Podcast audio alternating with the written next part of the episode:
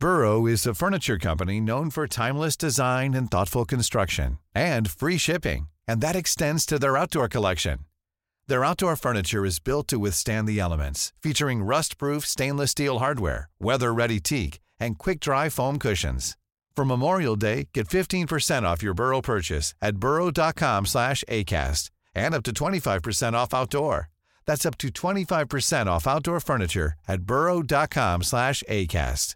Hey, I'm Ryan Reynolds. At Mint Mobile, we like to do the opposite of what Big Wireless does. They charge you a lot, we charge you a little. So naturally, when they announced they'd be raising their prices due to inflation, we decided to deflate our prices due to not hating you.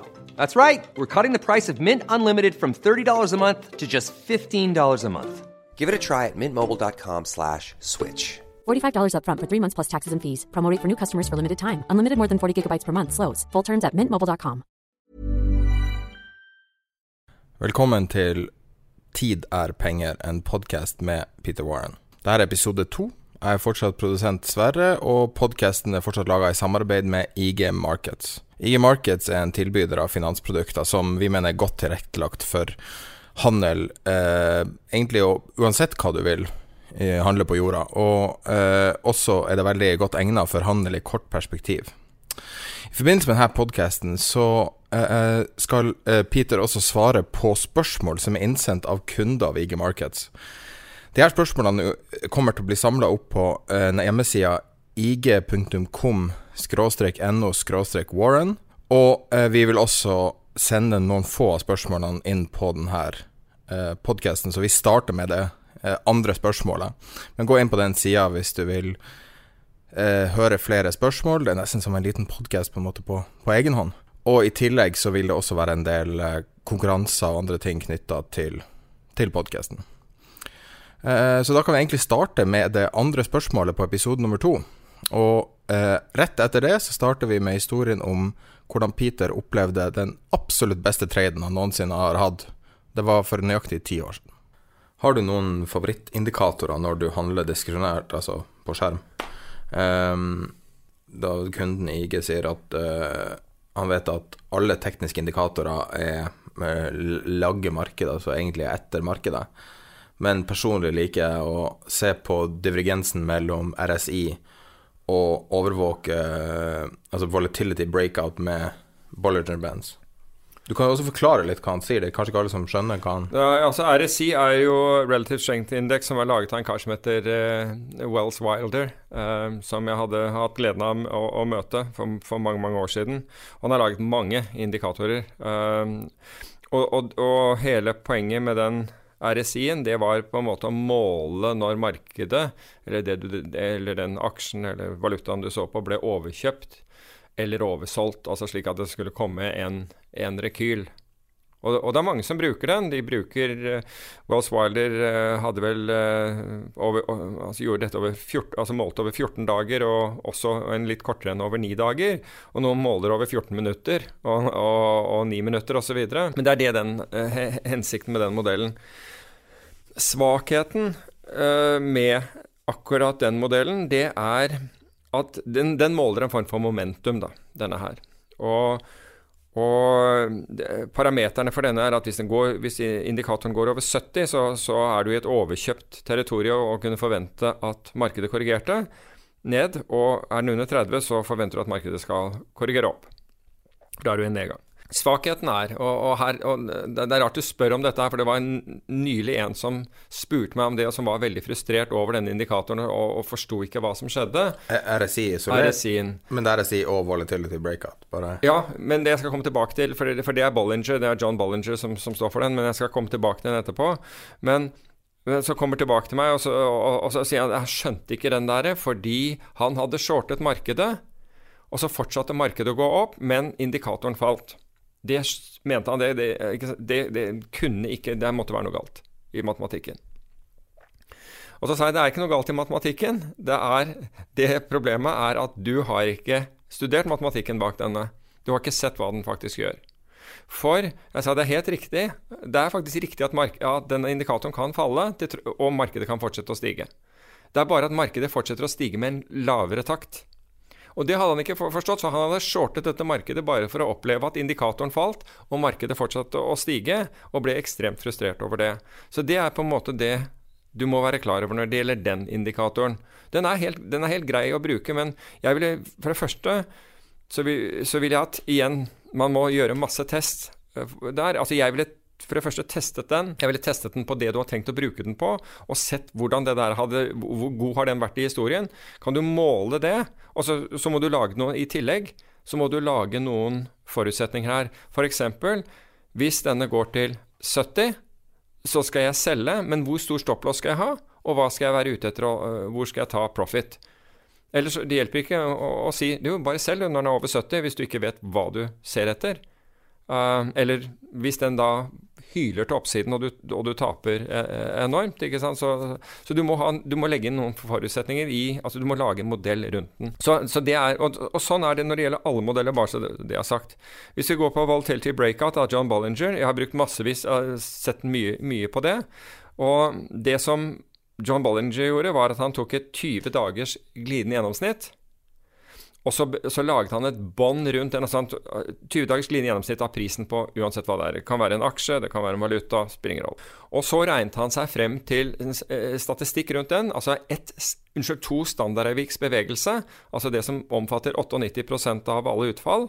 Så han la da et bånd rundt den som var to, to standardavvik opp og to standardavvik ned. Og så, ideen, så er ideen to når det gjelder dette. Det ene er hvis det toucher det øvre båndet, så har du liksom sett 98% av måte den bevegelsen du kunne forvente, så du burde shorte den, tilsvarende når den går ned, og håpe at det gikk tilbake til midten, da, dette 20 dagers eh, glidende gjennomsnitt. Men så er det andre som har funnet ut at men når den går igjennom dette nivået, når den går igjennom det, det, det taket eh, det er sånn, så betyr det at nå øke volatiliteten, så nå skal jeg gå med. Og Det er også interessant, men måten det, det, vi gjorde med den, og det vi har gjort med, med den, det er at, du, at vi har målt bredden på dette båndet. Fordi jo lavere volatilitet det er i markedet, altså det mindre markedet svinger, det smalere blir dette båndet mellom det øvre Bollinger-båndet, altså det som er to standardavvik over 20 dagers klin gjennomsnitt, og det nedre båndet som er to standardavvik under uh, dette 20 dagers glidende gjennomsnittet. Jeg vet at dette blir kanskje superteknisk, men siden vedkommende spør på den måten, så føler jeg at jeg må prøve å kvalifisere et svar. Det, der hvor jeg fant ut at det hadde en verdi, det var bl.a. Når, når jeg var opsjons-marketmaker uh, og, og, handlet veldig mye i, i, opsjoner. Og det var at jeg så disse veldig uh, Av og til så får du veldig trange Bollinger-bånd. Og når jeg sier trange, så er det når jeg måler historisk. Jeg sammenligner altså hvor bredt det båndet er, med hvor bredt det har vært i historien. Går langt bakover i tid. Og hvis vi er på nærmest historisk lave nivåer for den, da vil jeg definitivt gå med, altså bruke det som en volatility breakout, når, når da kursen en eller annen gang går opp igjennom. Og det er mange gode grunner til det, uh, og som jeg kan snakke lenge om, hvor, altså bakgrunnen for, for, dette. Jeg vet ikke hvor mye tid vi skal bruke på, på, på hvert spørsmål, så er det litt opp til deg. men men eh, jeg kan bare nevne Jeg var, eh, jeg var da proptrader i, i bank, ledet uh, proptrading i, i, en bank. Og der er det jo slik at du får budsjettet ditt, og det budsjettet går jo alltid opp altså med inntjening, og det budsjettet går opp i hvert fall 20% hvert år. Og så hadde, vi en periode hvor det nesten ikke skjedde noe. Og så kommer en fra ledelsen inn, altså min sjef. Han kommer inn, og så sier han Uh, hvordan går det? Og så sier han jeg sier at det er, det, er, det er, ganske dødt. Skjer egentlig ingenting. Og så sier han ja, du, jeg ser uh, Jeg har lagt merke til det. Jeg ser at du er, uh, du, er du ligger under budsjettet denne måneden. Ja, så jeg er klar over det, men det er bare rett og slett ingenting som skjer. Det er, altså, det er veldig små bevegelser i markedet. Ja, sier han. Samtidig så sier han ja, budsjett er jo budsjett. Ja, sier jeg, jeg forstår det. Men det er vanskelig å tjene penger når det ikke svinger. Og så sier han til meg tar du, tar du store nok posisjoner? Altså jeg tar stort sett de posisjonene som jeg har tatt hele tiden, og den gangen så tok jeg posisjoner Hver posisjon var på 5 millioner dollar eller 5 millioner euro i den størrelsesorden. Og så går han ned til, går han, tar, går han ned til risk management for å se liksom hvor mye av risikokapasiteten eh, min utnytter jeg. Og fordi markedene svinger så lite, så ser det ut som jeg bruker veldig lite av risikokapasiteten min. Ja, så han kommer tilbake og sier du, jeg har funnet feilen. Og så er det sånn Du tar altfor lite risiko. Ja, sa jeg, men nå svinger markedene veldig lite. Ja, men det, altså vi abonnerte den gangen på noe som het Risk Metrics, som var et um, kanadisk system som skulle fortelle deg hvor mye risiko det var i markedet, hvor mye risiko du kunne ta. Så jeg er klar over det. Så sa han ja, men det er ikke noe vits at vi betaler de dyre dommer hvis ikke du tar mer risiko. Nei, så jeg sa hva mener du da? sa jeg. Ja, du må jo i hvert fall doble posisjonene dine. Ok. Så jeg dobler posisjonene. Problemet er at jeg sitter i det samme dilemmaet som alle andre tradere der ute. De klarer heller ikke å tjene penger, for det svinger ikke. Så de får antageligvis omtrent samtidig akkurat den samme beskjeden som meg, så vi alle dobler våre posisjoner. Og hva gjør det? Jo, vi prøver å selge når det er høyt og kjøpe når det er lavt. Gjør at det svinger enda mindre. For da er det enda mer penger som, dempe, som demper markedet fra svingninger, opp og ned. En uke senere kommer han innom igjen, min sjef, og sier du, jeg, du ligger jo fortsatt bak. Ja, jeg, jeg, jeg gjør det. Da spurte han om jeg Ja, jeg sa vi har det. det. Det er faktisk enda mindre svingninger. Ja, det, alle kan se for seg hva som skjer nå. Han tar en tur ned til Risk Management og kommer tilbake igjen etter kort tid og sier 'Jeg vet årsaken'. Ja, hva er den, da? Du, må, du har for små posisjoner. Det er klart vi kan ikke tjene noe hvis vi har så små posisjoner. Men så sier jeg ja, men markedet beveger seg omtrent ikke. Hjelpe oss hva, hvis dette her tar av. Det er jo ikke noe vits i å abonnere på disse systemene og betale dyrt for det hvis vi ikke skal følge dem. Ja, Så sa jeg hva mener du? Ja, Han sa du må jo i hvert fall doble. Egentlig mye mer. Og jeg sier ja vel, men du er jo klar over da at, at altså vi, vi, nå altså Hvis jeg skal følge det, det tallet som Risk Management har, eh, snakker om, så handler jeg nå med Vil jeg ha posisjon på 50 millioner euro hver gang jeg tar en posisjon. Det er relativt mye penger. Ja ja, men det var ikke noe vits hvis ikke ja, Heldigvis fulgte jeg ikke det rådet, og, og gjorde det. Jeg, tok, jeg økte posisjonene noe, men ikke i nærheten av det.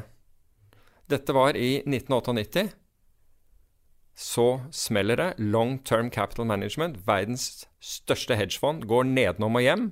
Og de hadde nemlig drevet med, med denne type posisjoner, så, som volatiliteten hadde falt. I det øyeblikket de går nedenom og hjem, så må alle disse posisjonene dekkes inn. Og det blir fullstendig kaos og for mange katastrofer i markedet som, som følge av det. det så viktigheten av å se volatiliteten i perspektiv. Og nå er vi blitt lurt fordi det har vært kvantitative lettelser i en rekke år, og volatiliteten har klemt ned. Så vit altså alle ting. Vit hva man gjør. Det er som å trimme en motor. ikke sant? Altså, du kan trimme den, du får fryktelig mye hester, men, men uh, men du skal vite hva du gjør når du setter deg bak rattet på dette her. Så det er essensielt, ikke bare å si at ok, jeg har hørt om Bollinger, hørt om RSI-er og momentum og uh, average true range og alt dette her. Forstå hva det faktisk måler, og tenk, og tenk litt over det før man liksom hiver seg inn og sier at dette her er fantastisk. Bollinger Bands, breakout, kjempebra. Hvis det er veldig lavt. Jeg brukte det den gangen på, på å passe på å ikke skrive opsjoner, altså utstede opsjoner, være netto kjøper av opsjoner når båndet var veldig smalt. Uh, og så kunne jeg heller være skriver av opsjoner når, uh, når båndet var veldig hvitt, for, for eksempel. Men liksom, du må ha det i det, det, man, det, vi kaller kontekst. Du må se det i en, i en større sammenheng, så du forstår hva du, hva du holder på med. Jeg vil bare påpeke at du svarte ikke på spørsmålet. jo, fordi han, Hva er din favorittindikator? Ja, det var innledningsvis, og så kom man med det andre. Jeg har ingen, for å være helt ærlig. Altså, jeg har og det, til, og det, er veldig mye fordi jeg har gått over til å bruke uh, Altså, du kan si de favorittindikatorene altså det, Bare for at det vi gjør, det er at vi ser på store datasett veldig store datasett, som jeg nevnte. 25 mil, mil, millioner data. Ja, Men han mener når du handler på skjermen, det var det han spurte om. Sånn, men, men, ja, men, du kan si at jeg har egentlig ikke noe sånn Altså, jeg kunne godt bruke NRSI, jeg kunne godt bruke Bollinger. Men, og average true range. Men jeg bruker, i tilfelle så vil jeg bruke disse her i, i sammenheng. Jeg ville bruke disse her i, i sammenheng fordi jeg mener at det er viktig å se på altså, øh, Altså det, er, det, er, så mange faktorer. Du, skal, altså du, kan, du kan, ha kryssende, glidende gjennomsnitt hvis du, hvis du, skal gjøre det. Jeg har egentlig ingen, ingen, favoritt. Jeg ser på hva som foregår i markedet hvis jeg ser på skjermen. Og det er ikke så veldig ofte at jeg bryr meg fryktelig mye om, om, om skjermen, for jeg bryr meg mer om måte, matematikken i dag. Um, og, og, så identifiserer jeg på en måte i, i heris, heris, min egen heuristikk hva det er som foregår. Og så vil jeg finne, og så vil jeg antagelig dra frem en modell. bare slå inn symbolene for en eller annen modell for å se hvordan det ser ut i øyeblikket, og se om jeg skal gjøre noe, noe med det. Men jeg har egentlig ingen, ingen, jeg har ingen indikator som jeg tror er bedre enn alle andre. Det har med, det har med bruken å gjøre, og fremfor alt så må den stemme. Og dette er det aller viktigste jeg kan si om det der med modeller. Det må stemme med din egen personlighet. Med hvem du er, og hvordan du tenker, og, og, og, og ikke minst hva du føler. For du, du, kan ha den beste modellen som er, men hvis du ikke klarer å på en måte følge den, fordi din natur går imot hvordan den modellen forteller deg at du skal oppføre deg, så får du et dårlig resultat. Du har vel også en tendens Du tendenserer vel mot opsjonsmarkedet basert på din bakgrunn, der at du veldig ofte refererer til opsjonsmarkedet for å som en egen indikator, på en måte, VIX-kurven f.eks. Ja, altså opsjonsmarkedet gir deg en god, god indikasjon. Altså, det, det er, det er, altså, apropos altså, indikatorer og sånn, men det er ikke sånn du kan bruke sånn intradag. Men, men indikatorer som, som, å se på uh, hvor dyre eller billigere altså Du nevner VIX, ikke sant. Opsjoner er. Det er en viktig indikator. En annen indikator er COTS-tallene fra, fra, USA, som publiseres av, um, og som viser den spekulative interessen i f.eks. olje eller SMP 500 osv., når de når veldig høye nivåer, da blir jeg alltid og, og, og, du i tillegg begynner å se på noen andre tekniske indikatorer, så kan det være tegnet på at uh, nå skal jeg i hvert fall ikke være long, eller nå, skal, nå kan jeg gå short, og, og, alt dette her. Så det er, en, det er, på en måte en sammensurium av, av, av ting. Men, men, du kan si at det mer du vet, det mer komplisert, komplisert blir det òg. Altså hvis du eh, Ikke sant, er eh, hva de sier for noe Hvis du var en hammer, så, så ser alt ut som spikere, eller noe sånt nå, Hvis du bare kunne ha en hammer. Jeg, jeg, tror eh, og, Slik at du må ikke gjøre verden for kompleks heller. Da blir, da blir det kål. I 1929 så shorta Jesse Livermore um, mark, aksjemarkedet. Altså basically shorta amerikanske aksjer og tjente ca. 100 millioner dollar.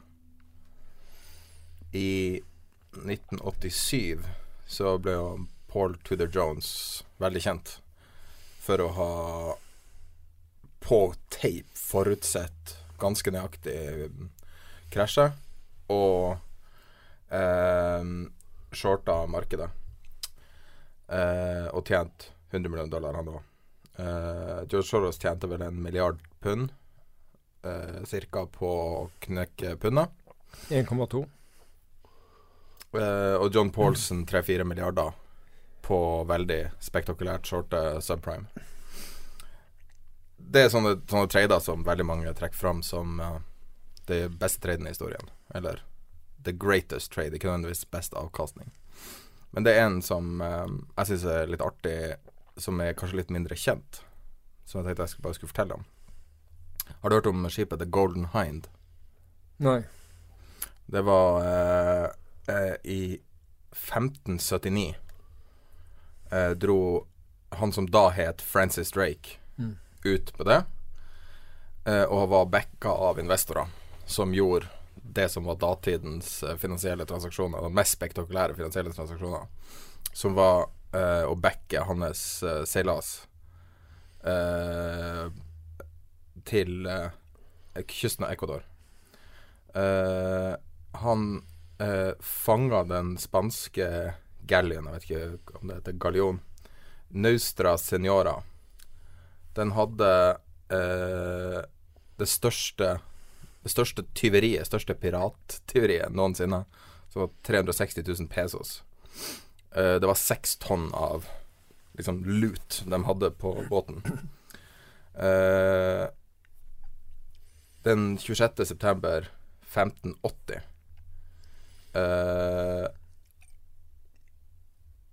da seila Francis Drake inn til uh, Plymouth Harbour. Og da kom Queen Elizabeth ut på skipet og gjorde han til sir Francis Drake der og da. Og return on investment på den investeringa var på 4700% som bl.a. da gikk til dronninga. Og hun betalte ned all statsgjelda til England med den traden. Uh, hun fikk 160 000 pund på det. Og etter å ha betalt statsgjelda, så satt hun igjen med 40 000 pund.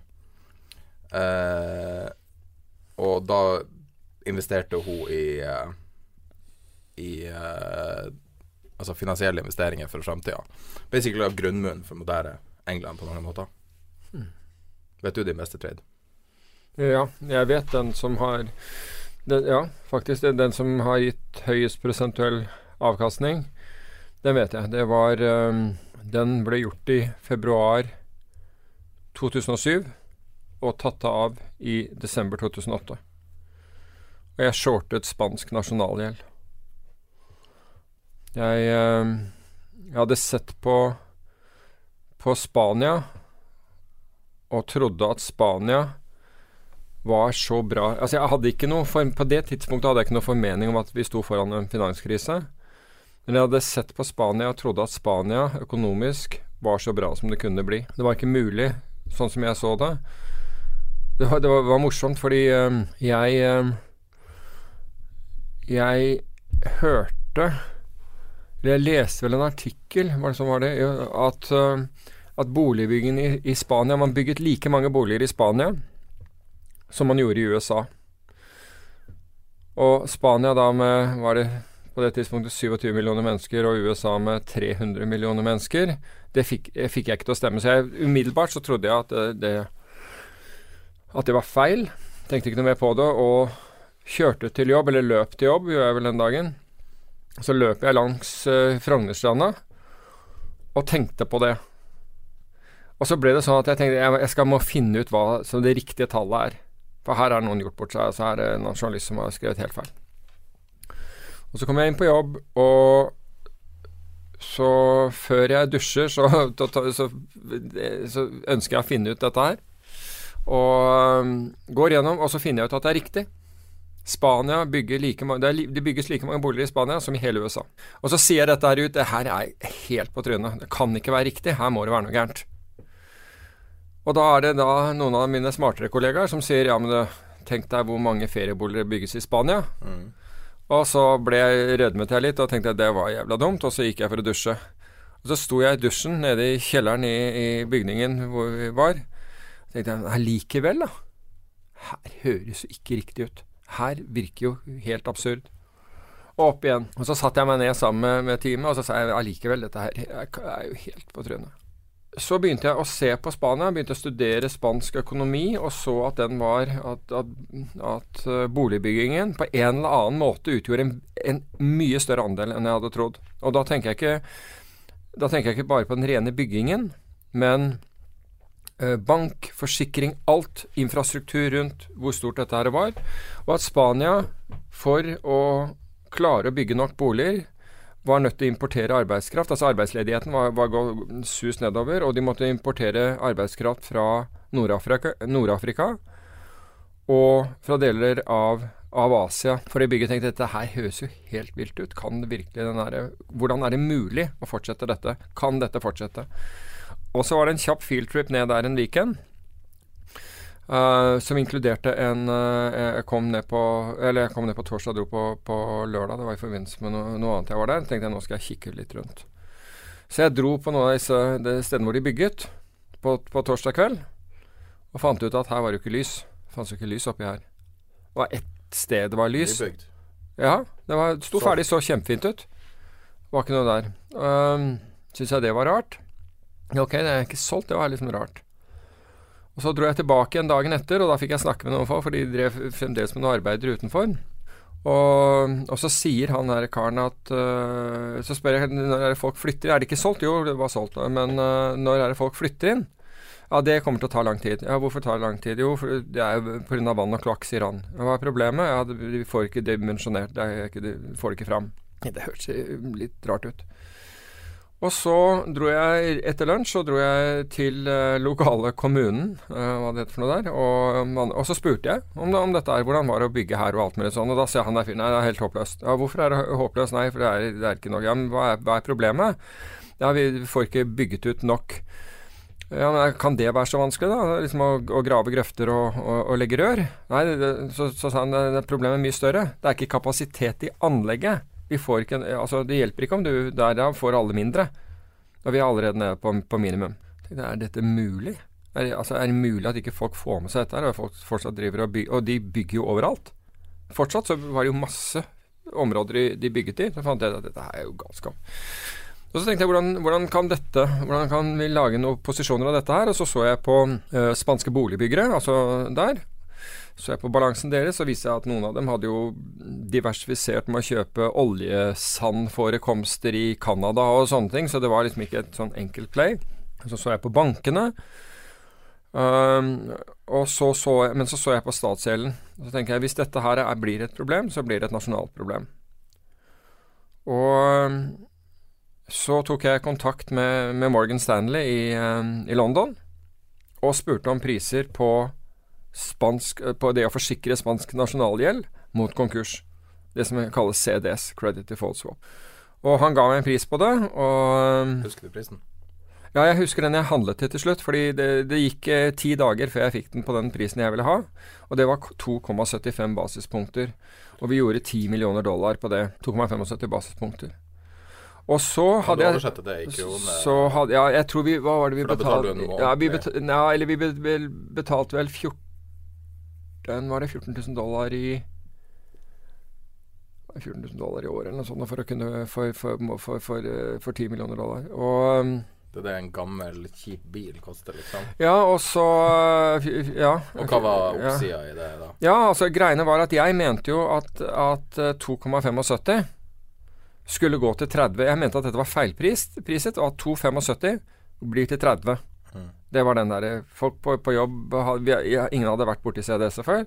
Og jeg var liksom bestemt på det, og folk hørte meg og syntes det hørtes jo voldsomt ut. Var det din første CDS-handel?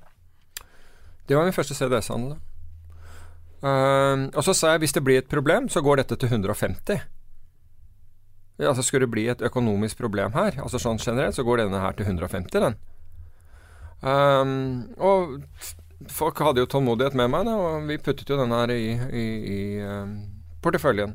Gjorde den. Uh, vi gjorde bare én ting feil med den der handelen, men det kan jeg komme til etterpå hvis du minner meg på det. Så, og der lå den, da. Jeg, vi så, så jo på kursen sånn daglig. Dette handles ikke på børs, men i interbankmarkedet. Privatpersoner kan ikke handle dette her. Du må være ikke sant? Vi var et hedgefond, stort hedgefond som kunne gjøre det, og hadde linjer til å gjøre det, og andre får ikke gjort dette her. Dette er i det veldig profesjonelle markedet. Um, men så utover i 2007 så begynner det å bli litt mer røskete. Og fortsatt så rører ikke disse her, og jeg mener at de burde røre seg, for obligasjonene faller.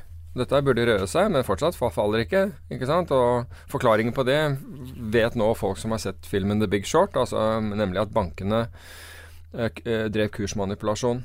Men jeg var ikke bekymret for det, for jeg var sikker på, på denne her. Så jeg brød meg ikke om det. Andre svettet og syntes at dette var helt gærent at ikke den eh, begynte å stige i verdi. 14 000 dollar, altså. Ja, at denne her eh, begynte å, å, å, stige i verdi. Og, men jeg gjorde ikke det, fordi jeg var så sikker på at denne her greia Også, men, men, så etter hvert som vi gikk utover i, i, mot slutten av 2007, så begynte jo liksom internasjonale ting å skje. Så hadde vi, altså Subprime dukket opp i USA, altså disse tingene begynte å rulle, og andre ting begynte å, å rulle på, på kredittsiden.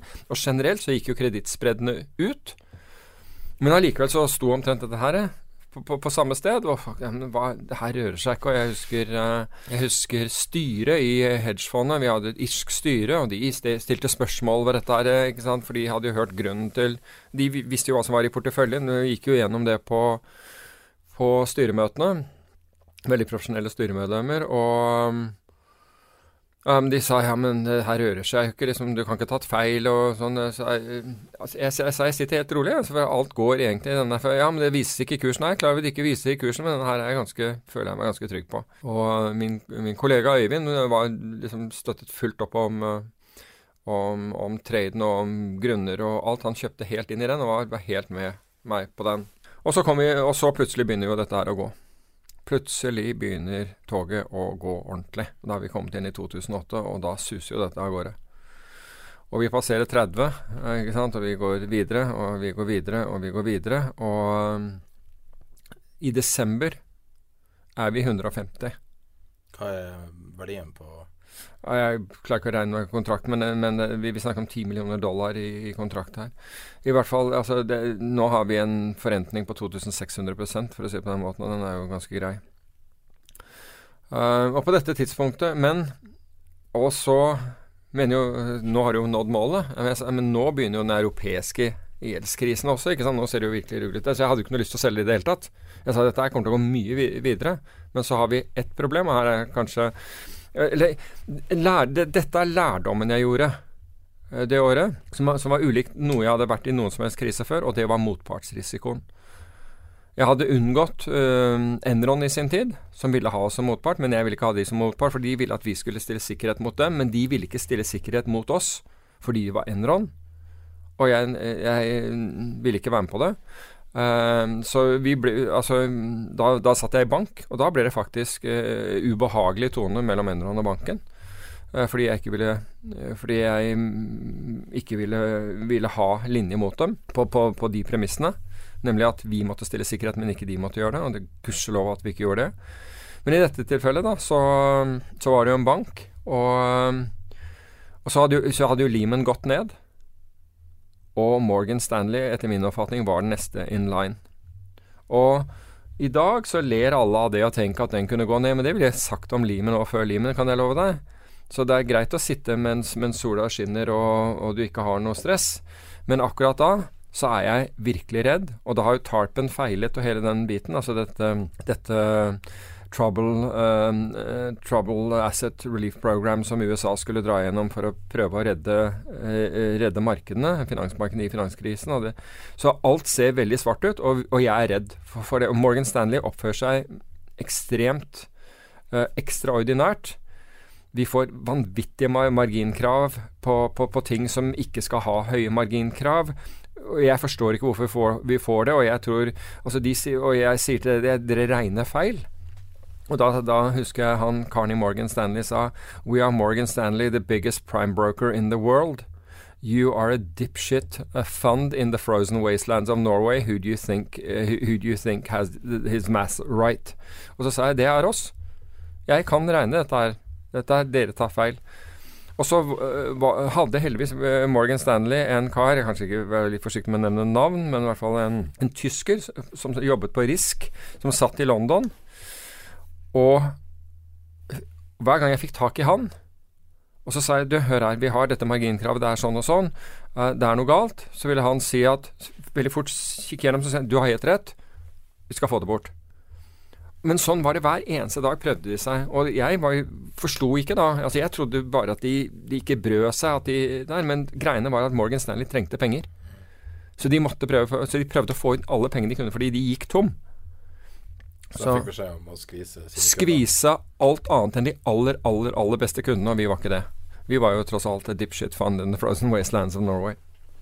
Um, så, så på, som frykten Altså, jeg hadde alltid lovet investorene at prioritet nummer én er å ivareta kapitalen deres. Prioritet to er å få god avkastning på kapitalen deres. Og da hadde vi en så stor gevinst på denne at jeg tenkte at Altså, Resonnementet var veldig enkelt. Altså Hvis vi tapte denne gevinsten Med andre ord, hvis, altså Det som ville skje hvis Morgan Stanley gikk konkurs, var at vi ikke ville bli betalt. Mm.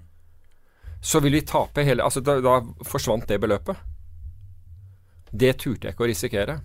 Men ville det ikke ha kommet i som en del av konkursforhandlingen? Nei. Nei, fordi altså dette er OTC. Ikke sant? Det er ikke, det er ikke som du har et verdipapir. Ikke sant? Dette er et lag... Det er ikke et verdipapir. Nei, det, det, dette er en avtale laget mellom to parter. En CDS-kontrakt. Um, og så var jo, så jo Så var det litt morsomt også, for Morgan Stanley visste at vi visste jo hvilken side jeg var på av denne traden. Så selv når kursen på denne her er 150 kjøper i alle steder i markedet 150-160, altså de priser den så bredt, altså før det så hadde de prisen mye, mye smalere, så er de 150-160, ikke sant? Så priser han her fyren den 130-140. Med andre han priser selgekursen sin under kjøpekursen i markedet. Og så sier jeg til han at markedet hører. Ja, gå og handle et annet sted, da, sier han til meg. Ikke sant? Ja, Men så sa jeg hvorfor kan ikke du gi meg en bra pris, altså en fair pris på dette? Nei, det er sånn boken vår er. Vi har så mye av dette herre. Visa blank løgn. Så mye av dette herre. Greit, jeg vil ikke godta prisen. Så ringer jeg opp uh, Goldman Sachs og ber om pris på samme type kontrakt med en novation agreement, med andre ord at du kan novate denne mellom banker. altså med andre ord, Det jeg kjøper av dem, kan jeg selge til en annen. Hvis de godtar motparten. Og um, Morgan Stanley stiller meg da en, en pris på 150 150, 100 og 160. Sa jeg hva er den i? Han sa den er god opp til 50, altså 50 millioner dollar. Jeg ringer da tilbake igjen til, til, til Morgan Stanley, holder, eh, holder, Goldman Sachs på tråden, og så sier jeg 'what's your market?' Og han tar jo selvfølgelig han er, han er ikke en nice guy, så han senker prisen sin ytterligere. Så han, han priser ned, nå ned til 120 mot 130. Så sa jeg 'Are you sure there's a better bid in, in the market?' Dette går på tape, ikke sant? Ja, if you don't uh, trade, eller, eller så blir prisen borte. That's my price. Så sa jeg hva er du, liksom. hva er du et, hva er du et 100, 100 Ikke sant, what's your, what's your size? Og han sa liksom I'm 20 up. Som er 20 dollar, altså 20 millioner dollar på hver side. Hvorpå jeg, sier, hvorpå jeg sier til han 20 mine at 130. Altså jeg kjøper av deg. Han venter at jeg skal selge. Mm. Jeg kjøper av deg på 130, snur meg til Goldman og selger 30 millioner til han på 150. Du fikk kjøpe den prisen? Ja. For han var så sikker på at jeg var på den andre siden. Han skulle bare skru meg enda, altså enda mer. Han trodde at du, han var 100 at du var shorten? Han, nei, han visste det, men han, han, trodde at jeg kom til å selge uansett. Han trodde ikke jeg hadde noen annen motpart jeg kunne gjøre dette med. Så jeg løfter han, og selger den samtidig hele greia over til, til, til Goldman Sachs, som er helt happy med, med, med å kjøpe 30 millioner. Ja. Der, og da gjentar jeg, så sa jeg ja. Og så Da blir jo han helt gæren. Men altså jeg, jeg hadde jo på tape, både på hans tape og på min tape, at jeg hadde sagt at prisen var høyere et annet sted. Jeg hadde bedt om at han skulle reprise. Og han hadde flyttet seg ned og forteller meg at det årsaken er at han har så mye på boken at han må ut av dette her selv. Så han er den veien. Han vil ikke ha noe mer. Hvis han skal kjøpe noe mer, så må det være på den. Og han er helt happy med å selge på, kursen, på, på selgekursen. Hvor mye tror du Det er litt vanskelig å, regne kontrakter. Sånn hoderegning. Hvor mye tror du du du netta på å gjøre det? Jeg er ikke sikker på vi, vi nettet, det var, jo, det var jo betydelig beløp for oss, for å si på den måten. På den ekstra lille manøveren? Ja, ikke, ja, ikke så mye på den, men vi tjente jo godt på den også. Vi tjente jo, tjente jo godt på, på, på, på, den der. Så, men, så da, var vi, da, var vi, ute av den. Men, men altså det, det, som skjedde altså Her ser vi jo smarte ut, for vi hadde tjent 2600% men greiene var at den vi kjøpte for 275, den endte med å gå til 450 og ikke 150. Så hadde vi turt å sitte på den og ta den kredittrisikoen på Morgan Stanley, som jeg ikke turte, og som jeg hadde en god grunn for ikke turte, det hele resonnementet Hvilken dato var det solgt, da? Nei, det var en gang mot slutten av desember, andre halvdel av desember. 2008. Ja. ja.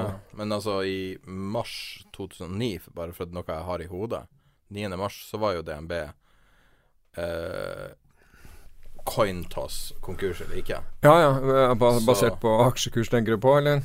Ja, og altså, det var jo mange det var jo veldig uklart om DNB skulle overleve eller ikke. Ja, men jeg, jeg, jeg, tror, altså jeg, tror, egentlig aldri at DNB var, var, i nærheten av å være altså De hadde likviditetskrise. Altså en, eller la oss kalle det en likviditetsutfordring. Men en likviditetsutfordring som Norges Bank anytime kunne, kunne deale med, eller Finansdepartementet. Men poenget mitt å sette i perspektiv da, at jeg tror at selv om du at du tok riktig avgjørelse? Ja, altså Jeg mener jo at jeg tok riktig avgjørelse gitt det gitt, gitt uh, altså der og da. Sightgeist, ikke sant. Altså mm der og da så var det den riktige avgjørelsen. Det har vært, sant, det har vært en insane handel å sittet med til, til uh, til, til, til, 450. Så det, var, det er helt opplagt uh, en uh, den, den, beste. Um, og så er det det derre at Du nevnte ja, Francis Drake er, er, er, den ene, men Jesse Livermore altså, han endte med å blåse ut hjernen sin på et uh, toalett på en, uh, på en, i en bar i,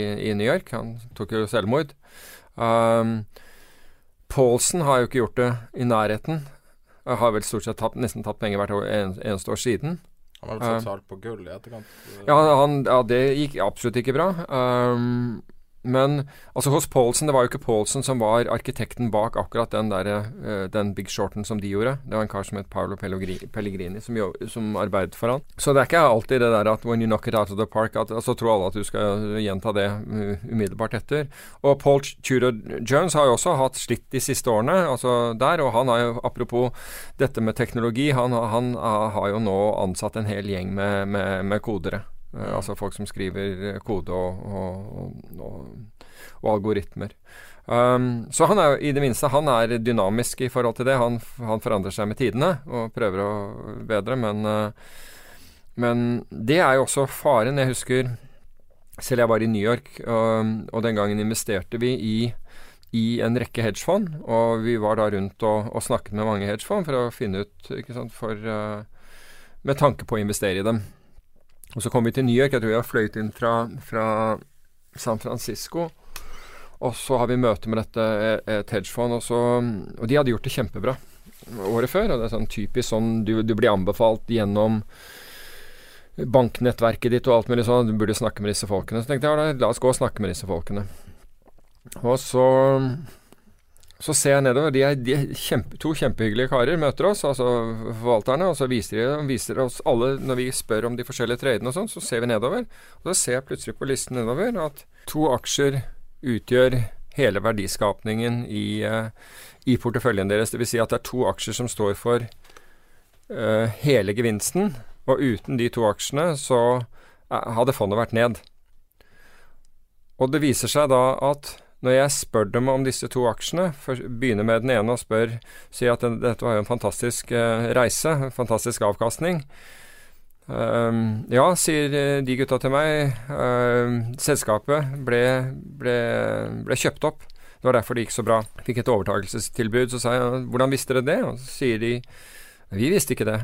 Det kom som lyn fra klar himmel på oss. Ja, så det var bare flaks, da? Ja, bare flaks, sier han. Og så spør jeg om den andre aksjen, og det er akkurat samme historien. Det er rett og slett bare flaks, og de innrømmer at dette, de var bare kjempeheldige. Men når vi da tok de to aksjene ut av porteføljen, som jeg nevnte, da var, da var uh, porteføljen deres ned. Altså den viste ikke Den ville vist minus 5 istedenfor opp 75 uh, eh, prosent.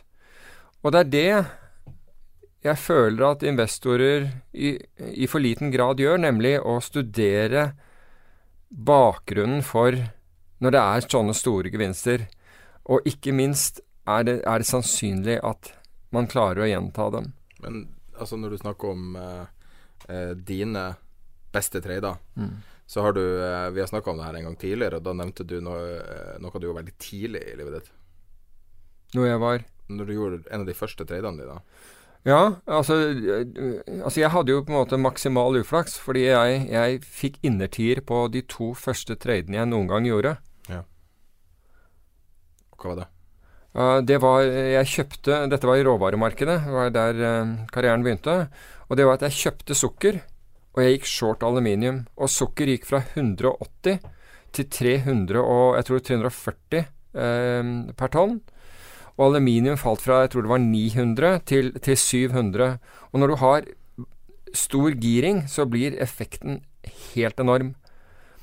Og, når, og jeg sa, sa, innledningsvis at uh, jeg hadde maks uflaks. og det var rett og slett maks uflaks, fordi det, du er ikke i stand til å håndtere det. Altså Du gjør to trader, og det er så innertid, antakeligvis tradene det året. Um, så tror du jo selvfølgelig at dette kan du. Med, en, med, med, et statistisk utvalg av to, som de aller fleste vil skjønne at ikke er særlig stort. Og en lav alder. Og en lav alder. Um, så, så, er, så, betyr ikke det noe. Det er ren tilfeldighet. Um, slik at jeg, jeg, jeg, vet jo ikke hva jeg driver med. Altså, og, og, det viser seg også fordi det som skjer i, i råvaremarkedet, er at når hvis kursen stiger, selv om du ikke har realisert, så blir meglerkontoen din kreditert med, med, det du har tjent hver eneste dag. Så etter hvert som kursen stiger, det, det mer får jeg inn på konto. Det bruker jeg da til å kjøpe mer. Um, og, sånn, og, sånn, går dagene. Så nesten hver dag så kjøper jeg, for jeg, nå er jeg helt overbevist om at dette her, det, det skal jo ingen ende ta. Um, og jeg fant da ut noe som egypterne hadde funnet ut noen hundre år før, noen tusen år før meg og det var at det er en grunn til at de bygger pyramider med, med den brede flaten ned. Jeg forsøkte å gjøre det motsatt. Jeg prøvde å begynne med spissen ned. Med andre ord, jeg kjøpte flere og flere kontrakter etter hvert som dette gikk oppover. Noe som gjorde at gjennomsnittskursen min gikk veldig raskt oppover. Den, slik at når, når, når sukker bare hadde en bitte liten korreksjon uh, på toppen, så var jeg blåst ut av markedet. Så det var en, en ydmykende retur til moder jord for, for, for, mitt ego og ikke minst uh, lommeboken min. Um, Men ble du, bokstavelig talt en rik mann Altså, på de to første tradene, hvis du hadde gjort Altså, det jeg følte, altså, For å si det på den måten, når jeg begynte, så, hadde, så, så tok jeg bussen og, og tuben i London til, eh, til, til jobb. Jeg hadde ikke råd til bil, det var ikke snakk om. Etter en uke kunne jeg kjøpe meg en bil, kanskje ikke en fancy bil, en Ford Anglia eller en Ford Cortina eller noe sånt noe. Etter uke to kunne jeg kjøpe en Porsche. Jesus. Um, Og så uke et, ja, fem, så nei, altså, opp og etter, uke tre så, så, så, så kunne du liksom begynne å se på, eh, på i blader hvor, hvor leiligheter var til salgs. Um, uke fem så var det House and Garden man så i. Og uke syv, da lurte jeg på om jeg skulle legge inn et anbud på Liechtenstein. Så du kan si at, at det var Men kan, hvor mange uker før det gikk eh, i null, da? jeg, jeg husker Altså, eh, fra, fra toppen. Altså, Mm. det, det, det gikk jo på, på dager, eller eh, bare noen få dager. Og, og altså det, eh, det der å kunne håndtere Det kalles money management, og er helt undervurdert. Altså det derre å bl.a. sørge for at du at du taper lite når du taper, eh, og hvis du begynner å tape, at du, at du reduserer posisjonsstørrelsen dine. slik at du, altså Hvis du gjør det, så vil du per definisjon aldri gå konkurs. Eh, Men det folk gjør, er det motsatte. Og det har jeg funnet ut at eh, jeg er ikke den eneste i finans som har, har gjort denne feilen. Du, du leser om det nesten hver, hvert eneste år, at folk girer opp det høyere det går. Det mer risiko er de villige til å ta. Og det er veldig ulogisk, i hvert fall for meg som er redd for høyder. Altså, jeg føler meg tryggest når jeg står med begge føttene på, uh, på bakken, gjerne ved havnivå. Um, og hvis jeg klatrer en stige, skal jeg ikke mange trinn nå før jeg begynner å, begynner å merke det. I finans, da gjør vi det motsatte. Da er det ingen som føler seg, eh, føler seg trygge når det er billig, når det er lavt nede. Men det høyere det går, det sikrere føler de seg, og det er da de skal begynne å belåne. Og det er derfor vi får finanskriser. Boligmarkedet i Norge, da? Altså Du kan si at boligmarkedet i Norge har steget voldsomt. Og det som kanskje bekymrer meg i boligmarkedet, er ikke nødvendigvis det absolutte prisnivået, men eh, at leieinntektene, altså leieprisen, ikke har holdt følge. Og det betyr jo på en måte at, at marginene er mindre ikke sant, hvis det går galt. Hvis du sitter og driver og låner opp nå, så er det eneste du håper på, det er ikke å få dekket rente, rentekostnadene dine, som snart eller allerede har vel begynt å stige for de fleste, selv om det er veldig, veldig moderat foreløpig. Men du dekket, altså, hvis du ikke får dekket rentekostnadene dine på dette nivået, så kan du tenke deg hva som skjer når renten f.eks.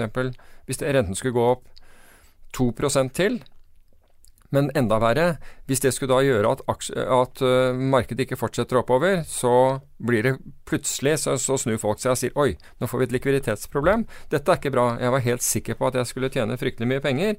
Nå øh, syns jeg at rentebelastningen er høy, og jeg får ikke disse inntektene fra, fra leien. Kanskje det er best å selge.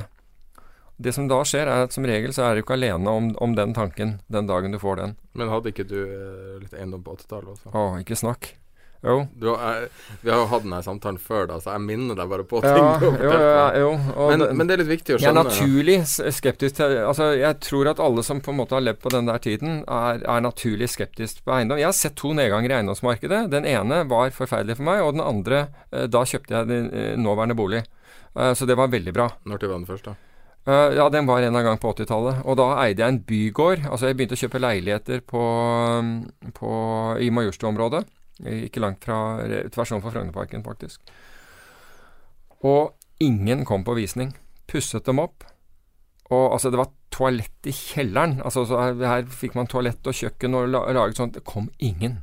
Jeg tuller ikke. Det kom ingen på visning. Renten var 12% og det kommer ingen på visning. Skjønner du? Du bare satt der en lørdag, og det kom ingen. Folk kan ikke forestille seg det, fordi de tenker altså Frogner Majorstua, det må jo være kjempebra. Ingen! Og da, og når en av, en av leieboerne sier du, hva skal du gjøre med gården nå? For jeg hadde kjøpt noen leiligheter i den der gården, jeg hadde kjøpt meg litt opp i gården, og jeg sa det, er vel ikke mitt problem, det får jeg gårdeier. Ja, det er faktisk deg det nå, sier han. Det er, det er hva for noe? Ja, er, du har faktisk Ja, men jeg sa jeg, bare, jeg har bare Jeg husker ikke hvor mange leiligheter det var. Ja, det er faktisk alle, det. Da skjønner du plutselig at du har et problem. Ja, Så du kan le, men eh, det Nei, var men, det, men det er veldig viktig å skjønne, eh, fordi at jeg tror at eh, Altså, til syvende og sist, når du, når du sitter og, og handler på mikrosekunder, Mm. og det som boliginvestor er tregt, veldig tregt marked, og helt andre dynamikker, og langt mer, mindre sofistikert, ja. og mindre penger og mindre, liksom i det hele tatt. Men på en måte kanskje mer risiko også. Så til syvende og sist så er det jo samme tingene som driver det, da. Ja, så det er tilbud og etterspørsel som driver det. Og problemet med boligmarkedet er jo at likviditeten kan bli borte over natt. Mm. Altså Plutselig så blir folk redde, og da skal de ikke ha bolig likevel. Og, og jeg kjenner flere venner. altså Selv i altså 2009 merket det voldsomt. De skulle bytte bolig. Og så trodde man at man kunne sitte på den boligen man hadde, for det, liksom, det, ser jo bra ut. Og plutselig så gjorde de ikke det. Ikke sant? Fordi du, altså Finanskrisen uh, kom, altså, eller var, og de, de, ble da sittende med, med, det der. Og det er altså den Hvis du er over Altså, de utgjør gjerne så mye penger for deg. Altså, en bolig er jo den største verdigjenstanden vi, vi eier. Slik at hvis du plutselig sitter feil der, så kan det være svært ubehagelig. Jeg føler du at dine evner som trader kan, kan Går det an å trade seg ut av en sånn situasjon, når du sitter eh, med illikvide aktiva eh, ja, altså nå, nå, klarte ikke jeg å trade meg ut av den situasjonen, for jeg, jeg, kunne ikke noe om det på, på den, det tidspunktet. Og jeg tenkte heller ikke på, på, samme måte som jeg gjør i dag. Altså I dag så ville jeg kanskje lett etter Fins det noe Altså I dag ville jeg brukt matematikk og, og, og, og, datamengder til å skaffe meg bråskaffe meg data og finne ut er det noe som korrelerer med Som er likvid, og som korrelerer med det jeg driver med her. Med andre ord, er det noe som korrelerer med, med, med norske boligpriser? F.eks. Altså, nå tar jeg det fra toppen av hodet, og norske swap-renter. For faller det der, så, så går swap-rentene opp, oppover pga. at bankene liksom får mindre sikkerhet, og da kan det plutselig være at bankene må låne litt uh, mer. Så da kan du si at kanskje jeg burde gjøre noe i, i norske swap-renter for å for for å, dekke risikoen min på, på, en mer effektiv måte enn det jeg kan få gjort ved å, liksom, å stormselge boligen. Sånne ting ville jeg tenke på. Men uh, nå har jeg ikke gjort det der eksperimentet, men jeg, jeg, tipper at det der er et sted jeg kunne gjort det. Og så kunne du selvfølgelig shortet uh, norske boligaksjer og, og, det, og, den type ting, eller boligbyggere. Mulig at det går, uh, men der tar du mye selskapsspesifikk risiko. Så hvis hvis du har en der som sitter som er veldig cashrik, eller et selskap som er veldig billig, så kan det hende at noen går og kjøper opp isteden, så får du den i ansiktet òg. Så da liksom taper du på begge fronter. Men derfor så ville jeg vel kanskje tenkt mer på å gjøre noe på altså swap rente, kredittspredd, den type ting.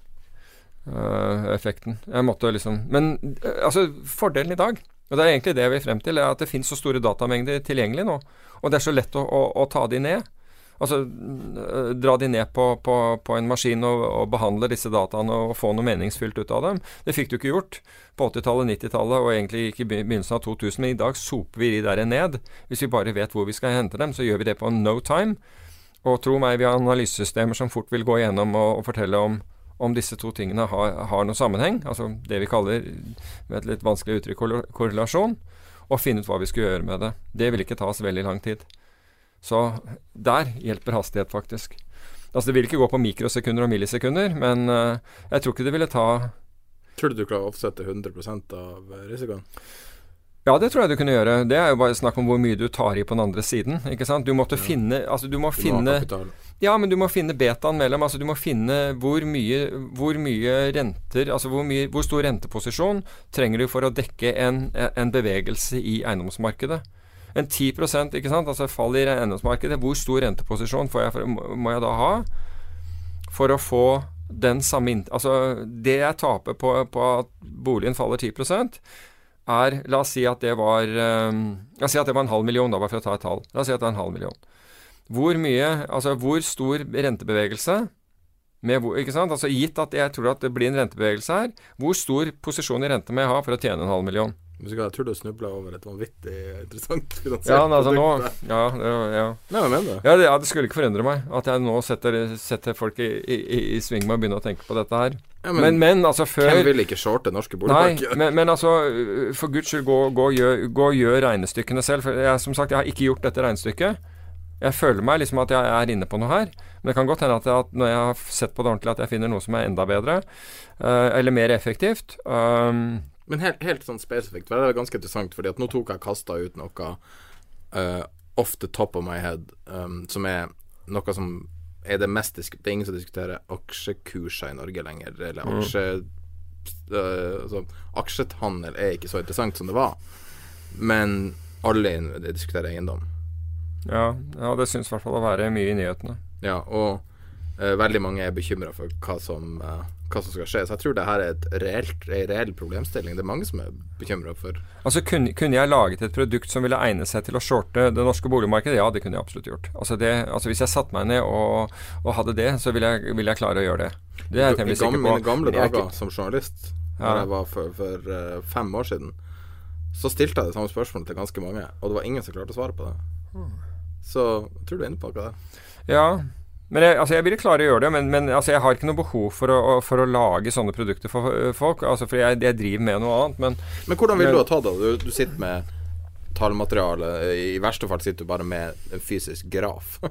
Ja, jeg, jeg, trenger tallmateriale. Jeg, vil, jeg, jeg, trenger tallmateriale, og så vil, vil jeg, se på tidsrekkene. Altså gjøre forskjellige korrelasjonsberegninger på, på, på tidsrekkene og sensitivitetsanalyser. Og, altså rett og slett statistisk arbeid. Ordentlig et godt statistisk arbeid på det. Men så vil jeg også legge inn altså elementer av altså Du må ha markedskunnskap også for å forstå hvordan markedene virker. For det kan hende at når du når visse nivåer, så skjer det visse ting. ikke sant? Altså Sånn av og til gjør det i, i markeder. Så du må ha kunnskap om det du driver med. Det er ikke nok. Altså, dette gjelder finans i dag. De smarteste innen finans i dag, det er, ikke, det er ikke han som er en super trader eller super investor eh, der. Det er heller ikke han som er den beste programmereren og den beste til å kode, eh, kode data og den som gjør det raskest. Det er kombinasjonen av disse her. Mm. I dag er det et team effort hvor du trenger Altså, for, for samme person er ikke ekspert på alt. Altså, jeg har én kollega. Han, er, han, han, er, han, kan begge domenene. Altså, han kan finansdomenet, og han kan programmeringsdomenet. Men liksom for å få spisskompetansen, så har vi folk som er eksperter på akkurat den, den lille biten som de, de, de, skal gjøre. Og alle er avhengig av hverandre. I går var jeg på, på, på Blindern og hadde og vi hadde møte med en, eh, med en foreleser som, som, er eh, kommet fra, fra, USA. Han er borte i et halvt år. Han har bodd i, i, Chicago, eller i hvert fall i USA siden 1984. Og driver med stokastiske modelleringer, altså, som er nerdete uh, type, type, finans. Og, i, og, og, det bare slår meg i den diskusjonen som, som foregår på, på ja, ikke så vanvittig høyt matematisk nivå, det som var i går, men liksom Konseptene vi snakker om, er, er, er vanskelige. Er, er I hvert fall for meg kre, er krevende. Konseptene er krevende. Jeg, jeg merker at liksom, hodet mitt sakker av. Jeg må bruke tid på å tenke gjennom det den andre sier, for å liksom fullstendig forstå det. Men han er også et godt eksempel, fordi for han fortalte en morsom historie hvor um, han hadde publisert i et, et, veldig kjent tidsskrift. Og var veldig fornøyd med det, det hadde, denne, denne matematikken han hadde oppdaget, og mente at dette her måtte jo være veldig bra innenfor finans, og tok kontakt med et av USAs ledende hedgefond på dette her.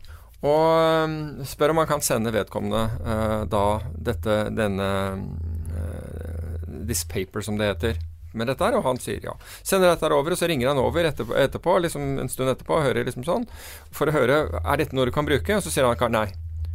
Ja, hvordan vet du det? Nei, for jeg har allerede, jeg har allerede prøvd. Så han Basert sa Basert på paperen, eller? Nei. Før? Før. Det var, ba, det var bare ikke publisert. Så smarte mennesker ikke sant? Og det verste var at du kunne jo tenke deg at du ville bli lei deg fordi å, du trodde du var først med det, du publiserte og wow, jeg var den første. Men han syntes faktisk at det var morsomt og interessant at næringslivet, og i dette tilfellet et hedgefond faktisk, han, han sa det er klar forskjell mellom hedgefond og andre typer fond. Der er det mye mer altså nytenking av denne type art enn det er andre steder. Og det er kanskje pga. naturen til, til, den type fond. Men øh, Og det er jo det at man kan bruke forskjellige instrumenter. Det jeg jeg syns det var veldig interessant. Det, jeg, vil, jeg, vil, gå tilbake til det vi, det vi sklei bort fra nå. Hvordan du går fram for å velge ut. Altså Rent sånn nuts and bolts, hvordan man velger instrumenter å handle i. Du handler i de mest likvide instrumentene som finnes. Ja. Men Også til, til tider illikvide, men da er jeg veldig men der, må, der, passer jeg alltid på at, at, jeg har det vi kaller nedsidebeskyttelse. At jeg, jeg sitter ikke Ta, ta f.eks. den, den, den CDS-posisjonen som ble gjort i Spania i 2007, altså mm. hvor vi går short spansk nasjonalgjeld. Til å begynne med så, så vi, vi, hadde et tema, vi hadde et investeringstema, nemlig at Spania kunne ikke bli bedre enn det var. Så egentlig Det var bare mulighet at altså Når noe er på toppen, så kan det bare gå nedover. Det var liksom hypotesen. Hvordan utnytter vi det? Jo, første vi så på, var å shorte spanske boligbyggere eller spanske banker, aksjene. Tok, og da tok vi kontakt med Morgan Stanley, altså lånedesken til Morgan Stanley, om det. Og vi kjente folk der, og de sa du, du kan godt få låne disse her, men vær oppmerksom på de gutta spiller et spill. Ehm, de som låner de ut, som er, som er forsikringsselskapene, de shortskviser. De er kjent for å shortskvise. Plutselig kaller disse her tilbake igjen, og så må alle løpe og dekke seg inn igjen. Så de var ikke De, de sa hver de, ha det i bakhodet. Det er jo et kjent problemstilling med shorting. Klassisk shorting. Ja, det, og, og, det kan skje. Uh, men det var greit å få den heads upen. Og jeg hadde ikke lyst til å, å, å ta sitte i en shorts-situasjon, altså hvor du plutselig blir skviset, ikke sant. Altså Verre ting kan skje med deg. altså det ene selskapet, La oss si det kom et oppkjøpstilbud altså som var 100% over børskurs. ikke sant? Du ville mm. tape uendelig på, på dette. her, så det var ikke den ty Jeg likte ikke det. De hadde ikke et opsjonsmarked som var bra. altså Indeksopsjonsmarkedet var, var, ikke, var, ikke, noe bra. Men generelt er opsjonsalternativet, dvs. Si å Opsjonsalternativet kan være bra. Bedre. Nei, ja, hvis, det kommer an på hvis det markedet er likvid og, og opsjonen er priset riktig, og du får i, i, i JGBs, altså japanske statsobligasjoner, er ikke det. For det, det funker ikke, det markedet. Det er altfor kort. Så du får ikke brukt det. Så, så, da må du gjøre det på swappene. Altså, du, du, må kunne sånne ting at jeg får ikke gjort det på eh, Opsjonene på, på, på statsobligasjonene er, har bare tre måneders løpetid. Og det er ikke det jeg prøver å dekke. Jeg prøver liksom å dekke mye lengre horisont enn det. Um, da må jeg gjøre dette på en annen måte. Da må du inn i renteswapper og, og, og, og et annet marked. Et annet marked. Så, så, vi så på det. Så sa vi ok, ikke aksjer. Hva, vi, hva, sitter vi med da? Jo, vi kunne gjøre valuta. Valuta, det er euroen. Vi, vi skal ikke ta hele eurosonen. Det var Spania var ute etter. Ikke sant? Altså, Pesetasen var jo ikke lenger. Bort med den. Og så, ikke sant? så, så driver vi og ser på kredittinstrumenter. Boom, CDS. Hei, her har vi noe. Og da er CDS et supereksotisk produkt. Supereksotisk, men gir oss nedsidebeskyttelse. ikke sant? Hvis vi tar feil, så taper vi to Altså, hva er det som kan skje med den CDS-kontrakten? Den kan gå fra 2,75 til null. Ja. Men altså null ikke engang USAs gjeld, som er liksom den, på det tidspunktet var den som var regnet som den sikreste i verden, har null. Ikke sant? Den, den handler på én. Så 2,75 La oss si at 2,75 kunne bli i verste fall til halvannen, da. Your worst nightmare. Altså det, det fantes ikke volatilitet i verden, det fantes ikke usikkerhet. Spanias økonomi tredoblet seg, eller gjorde noe sånt. ikke sant? De plutselig gjorde som, eh, som, eh, som Emiratene og fylte sand ut i havet og bygget, bygget videre i retning uh, retning Nord-Afrika. Plutselig annekterte mer et havområde. Um, noe sånt kanskje halvannen, da. Mm. Men altså 2,75 kunne bli til halvannen. Men, det, men, min idé var jo at det skulle bli til 30, og i beste fall til 150. Ja. Så gikk det til 400. Men sånn på generelt grunnlag, altså din bakgrunn som eh, hedgefondforvalter, så er du alltid på jakt etter Eller nå putter jeg ordet i munnen din, men generelt så er du på jakt etter eh, noe som har en måte, gunstig eh, utfallsstruktur. Altså ja. liten nedside og stor oppside. Gunstig payout-profil. Ja. ja. Helt riktig. Helt Betyr det jeg, jeg, har en historie som jeg, jeg, skal ikke fortelle så mye detaljer, men i korte trekk da, så var det en som risikerte hele formuen sin, en nordmann, på veldig, veldig store, ve veldig, veldig store penger, og hadde mulighet til å tjene to millioner. Fikk anbefaling av et meglerhus og ble sittende inne med det her, klarte ikke å selge det under finanskrisa. Og alt røyk. Og eh, fins det Mener du at det finnes noen ganger der det er verdt å risikere hytte og hus og alt for å tjene sikre ting, garanterte ting? Eller er det alltid en dårlig idé? Altså hvis, sikre, hvis, den sikre tingen har på en måte en avkastning som, som tilsier at den ikke er sikker, med andre ord den er så god, da er det noe gærent. Ja. da har den en, en, feil et sted. Og Det behøver jo ikke å være at liksom demningen sprekker, men du må jo på en måte være oppmerksom på at her, heri ligger en feil. Ellers så må du ha, ha tro på at, liksom, at alle vil deg godt. og dessverre er, er, ikke verden sånn. Uh, og den CDS-en din hadde jo et sånt feil. Den hadde jo den vanvittige problemet med at det var et privat privat av marked. Ja, altså du kan si at det som var, Hvorfor CDS-en var så billig som den var, var nettopp at folk var grådige. Altså, de kjøpte obligasjoner. Og så, ikke, og, så, og så, konkurrerte de med andre. altså Fond kjøpte obligasjoner, eh, pensjonskasser kjøpte obligasjoner, forsikringsselskaper kjøpte obligasjoner for å få avkastning på kapitalen sin. AIG, altså American Insurance Group, USAs, en av de største forsikringsselskapene i USA, utstedte jo sånne i haugetall fordi de skulle ha litt mer avkastning mm. enn det obligasjoner ga. Så det de gjorde, var jo å øke risikoen sin på obligasjoner hinsides. Men de brukte jo ikke sant? Altså hvis du, hvis du har en obligasjon Hvis du kjøper en obligasjonsportefølje og bruker Og den koster deg 100 millioner, så bruker du 100 millioner kroner ikke sant, som du putter i, de, i, i dette. Altså La oss si du ikke finansierer den, noen, noen gjør det. Men CDS-kontraktene ville gi de avkastning på toppen uten at de puttet ut mer penger. De slapp å stille sikkerhet for det. De hadde linjer mot Morgan Stanley og Så det var liksom så mye penger som var desperat på jakt etter mer avkastning. Litt som du forteller, er noen som risikerer hele formuen sin, hundrevis av millioner, for å tjene to. Og det var akkurat det de gjorde. Altså, fordi alt var jo så bra. Alt var jo så bra i, i 2007. Hva skulle gå gærent der, da? Akkurat, ikke sant? Hva skulle gå galt? Det, det er på jeg samme måte som da. Tromsø, da kan du kjøpe verdens dyreste drink. Virkelig? Mm. Jeg jeg det er det sikreste topptegnet. Ja, det må det være. Ja. Du kan kjøpe drink til 25 000, tror jeg. Oi. Ja, den er Den, den det svinger. Og det er i Tromsø et sted der sånne der ting ikke skal finnes. Uh, ser du noe sånn nå? Tenker du makroøkonomisk på ting siden du er så kortsiktig? Ja, ja, ja. ja altså, og, jeg mente jo Dette sa jeg Jeg ble jo spurt mange ganger i fjor. Hva er den beste traden i år? Liksom, Hva er den beste traden du ser nå? Um, og det liksom sånn gjennom midten av i fjor så var, var, var, det der Og da ventet jo alle jo det er den og den aksjen eller et eller annet sånt. Og så sa jeg vet du den beste traden eh, jeg, jeg syns er, er der, det er å gå short uh, statsobligasjoner med negativ yield. Jeg sa du, du kan absolutt tape på det, fordi den negative yielden kan bli enda mer negativ. Altså med negativ yield så betyr det at når du går short den statsobligasjonen, så blir du betalt for det. Mm. Mens hvis du går short en vanlig obligasjon, så betaler du renten på statsobligasjonen for å være short. Så her får du penger for det. Så jeg sa shorte statsobligasjoner med negativ yield. Jeg sa du Gira. har Hva? Gira. Ja, jeg ville gjort det giret. Absolutt. Fordi at det her er jo en ting som du har snakka om flere ganger. Det kan være at du har blitt sitert flere ganger, men det er at uh, at uh, gira statsobligasjoner historisk sett har vært en bedre investering enn aksjer.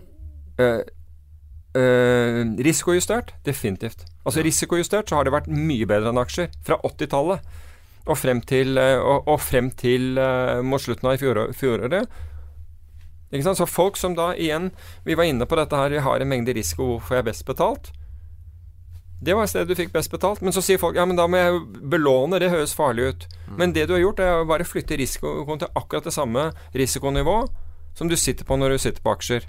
Men du har ikke Eh, risikoen med at uh, sjefen begynner å få stort ego og gjør et idiotisk valg, eller, eller en eller annen selskapsspesifikk risiko som nei, du ikke har peiling på? Nei, altså du kan si at du har Nei, altså det finnes alltid risikofaktorer som, som, som, kan ramme oss, men, men, poenget mitt er at du har den Altså du har tatt den der risikoen. Jeg, jeg, jeg har så mye jeg, risiko jeg ønsker å ha. Det kan risiko kan forklares som uh, eller beskrives som normalt sett som volatilitet. Altså hva sjans, ikke sant? Og hvis du, hvis du vet hvilken volatilitet du vil ha, hvis du har hvis du, er, hvis du godtar en, vol, en, en, årlig volatilitet på 16 så, så, betyr det at du godtar 1% svingninger på porteføljen din om dagen sånn i, i snitt. Det, det, kan du leve med. Det er, det er, greit.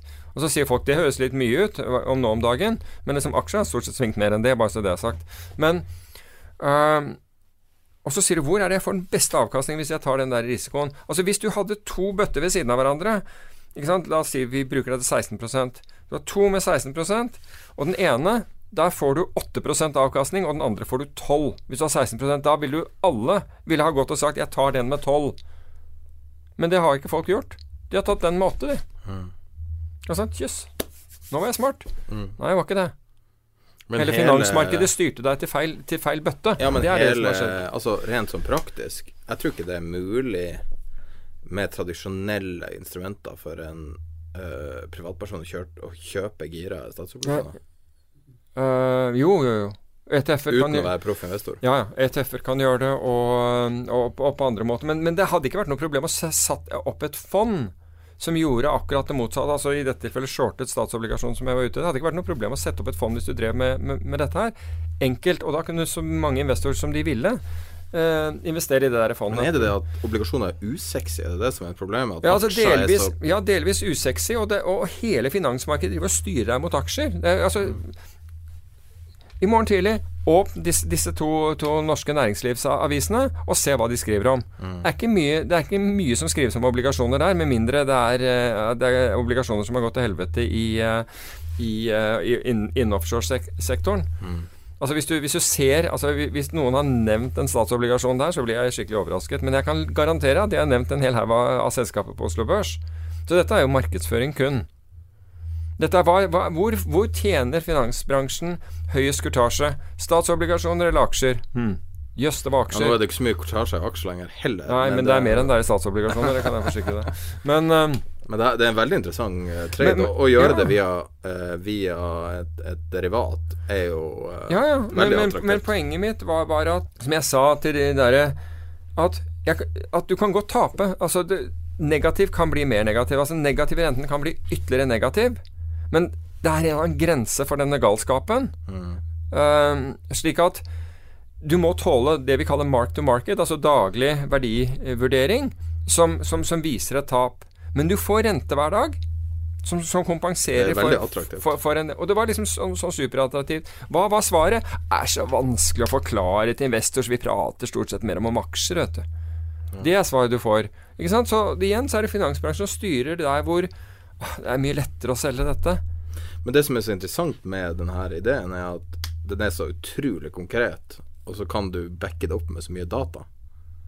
Ja, ja, altså, men du kan si Men vi må også huske på at det er alltid mulighet for å tjene penger, og folk må akseptere Nei, men, men, poenget mitt er at folk må Altså, selv den beste ideen så må folk akseptere at her er det en mulighet for, å, for, for at man taper penger. Og Det er viktig, fordi det er, det er Men negativ rente skaper et rart marked? Ja, det gjør det. Men det er, det, ment, det er ment, å skape et rart marked. ikke sant? For det er ikke et normalt marked vi har negativ rente i. Men så kan du si eh, at det er greit, vi er her og nå, men liksom, hva tror jeg om fremtiden? De aller fleste Men det er det morsomme, jo, men det, det morsomme er jo at de folkene som ikke er villige til å ta en posisjon, altså short en obligasjon som har negativ rente, er de samme som, som tror at, at, veksten kommer og inflasjonen kommer. Altså de to tingene altså Det er to motstridende tanker. Hmm. Tror du vi får se noe til inflasjonen som følge av alle de uh, milliardene i markedet? Uh, ja. Kommer det, det noen gang? Ja, men, men ja, altså det, er kommet til USA. Det er en viss grad av det der. Jeg, jeg tror ikke Nei, det, altså, men altså, jeg tror ikke på at den will run rampant over natt. Okay. Ikke i det hele tatt. Det tror jeg ikke. Uh, tvert imot så tror jeg sentralbanken kommer til å raskt være på, på, på banen hvis, hvis, uh, hvis, det begynner å skje. Men uh, altså, Draghi jo, må jo begynne å bli sliten. Man får jo ikke til, ikke sant? Men på den annen side, altså man kan jo han vil jo kunne argumentere med at ja, hva, hvordan tror du det hadde gått hvis jeg ikke hadde gjort noe? Men det er jo også eh, Det finnes jo en teori om at finanskrisa ikke er over. Vi har bare forskjøvet det opp igjennom, og nå er man på Det, det, ser, ikke sånn ut, det ser ikke sånn ut på overklassen, holdt jeg på å si. Altså, de, de, de, de, mest velstående har jo på en måte gjort det fantastisk. Jo, men tenk deg, du starta på egentlig personlige tragedier med foreclosures. Mm. Mm flytta deg til Og det her er jo Det er ikke noe original idé fra meg i det hele tatt, jeg prøver ikke å påberope meg det, men at du har for hele tida forflytta deg. Så selskaper, så municipalities, byer, kommuner, så nasjoner.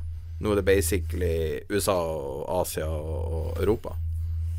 Og det er jo ingenting som tilsier at den risken er tatt ut den som bygde seg opp så utrolig lenge. Nei, og noe, noe av risken er jo, er jo tvert imot holdt nede nettopp gjennom kvantitative lettelser. At, de, at da har ikke de naturlige økonomiske og finansielle mekanismer fått lov å virke. Altså vi har på en måte Altså vi, vi, vi, vi pumper oss full av bedøvelse. Mm. Ikke sant? Og, og, og hvis, du en, hvis, du har en, skade altså Jeg har gjort det selv. Jeg, altså hvis jeg har hatt eh, kraftig skade, så er det eneste måten å, å klare å håndtere den her på kortsiktig, er, er, å bedøve den bort. Til du liksom når et eller annet sted hvor du kan få ordentlig eh, legehjelp. Så har det vært en måte å, å gjøre det på. Um, mens vi også sier i, i militæret Altså når, du er på et, et, et skadested, så gjør du en sånn kjapp sjekk over, over, over, alle som er der, bare for å se hvem som er Altså triasj, som det heter, for å se hvem som er mest kritisk.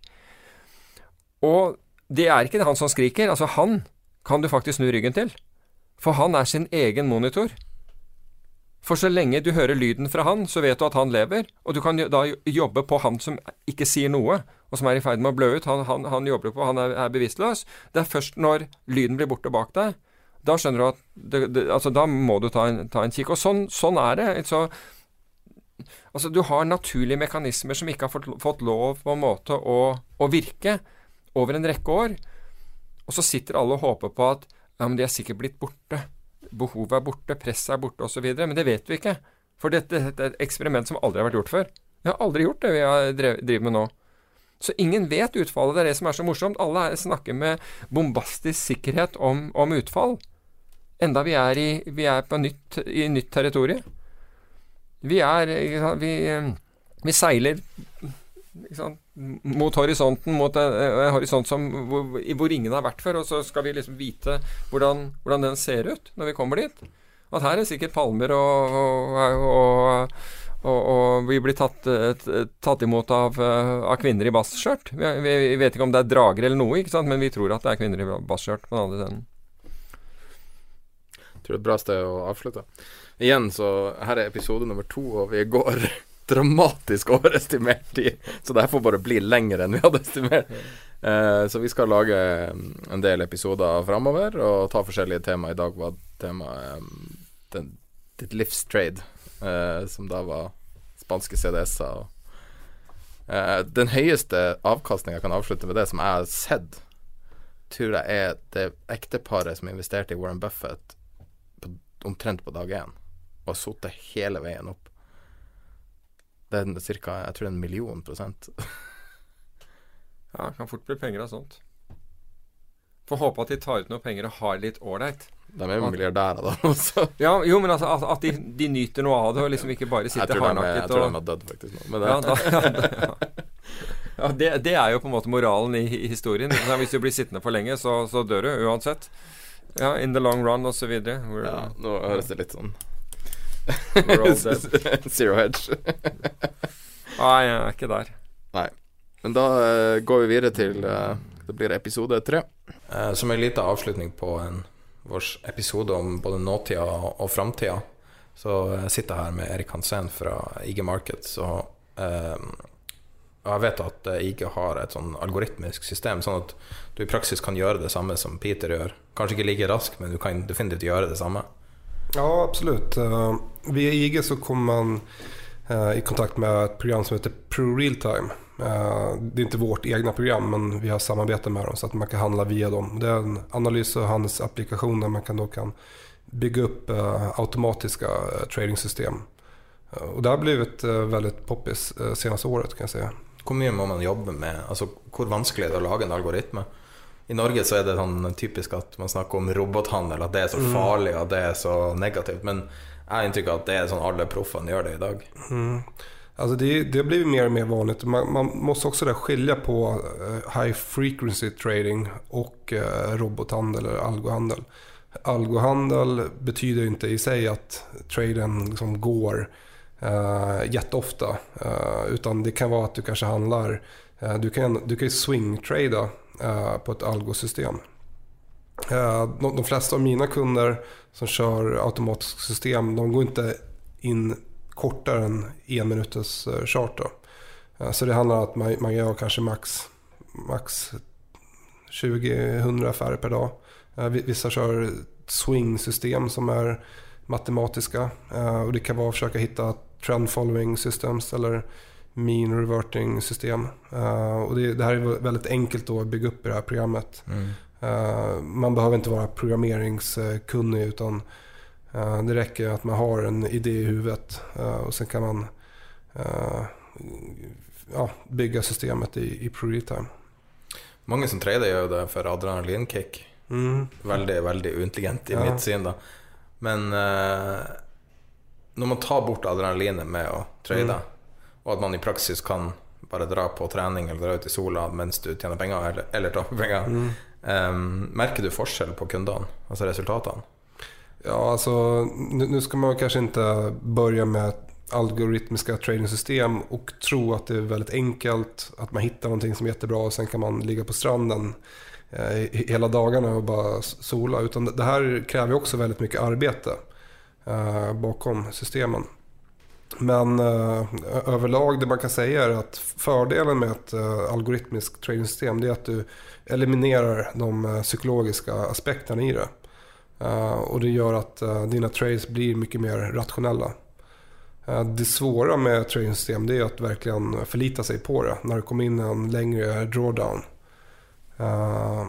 Så att, ja, det, det finns både för och nackdelar med, med tradingsystem. Uh, vissa av mina kunder handlar diskussionärt eller manuellt uh, och gör det jättebra.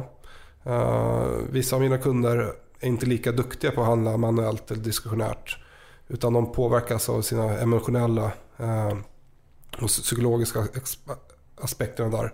Och därför vill de köra ett algoritmiskt tradingsystem. För att de vet att det kommer förbättra deras edge. Hvor avansert eh, kan man gå til verks? Jeg tenker på, Kan man lage en slags sånn syntetisk ETF?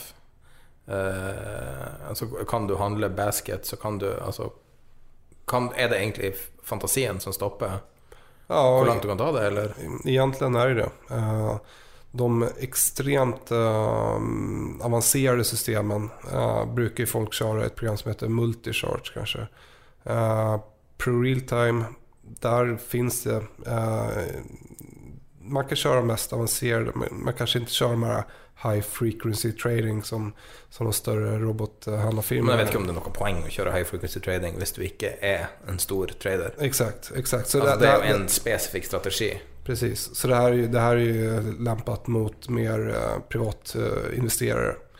Helt klart. Och det, Det for å gjøre noe det lettere, er det ikke det? ja, verkligen. Och det här, den här möjligheten fanns ju inte för några år sedan Ja. för privatinvesterare att bygga ett et al- algoritmiskt tradingsystem. Utan den möjligheten har ju kommit egentligen de senaste åren. eh, Och öpp- öppnat upp uh, dörrar för folk.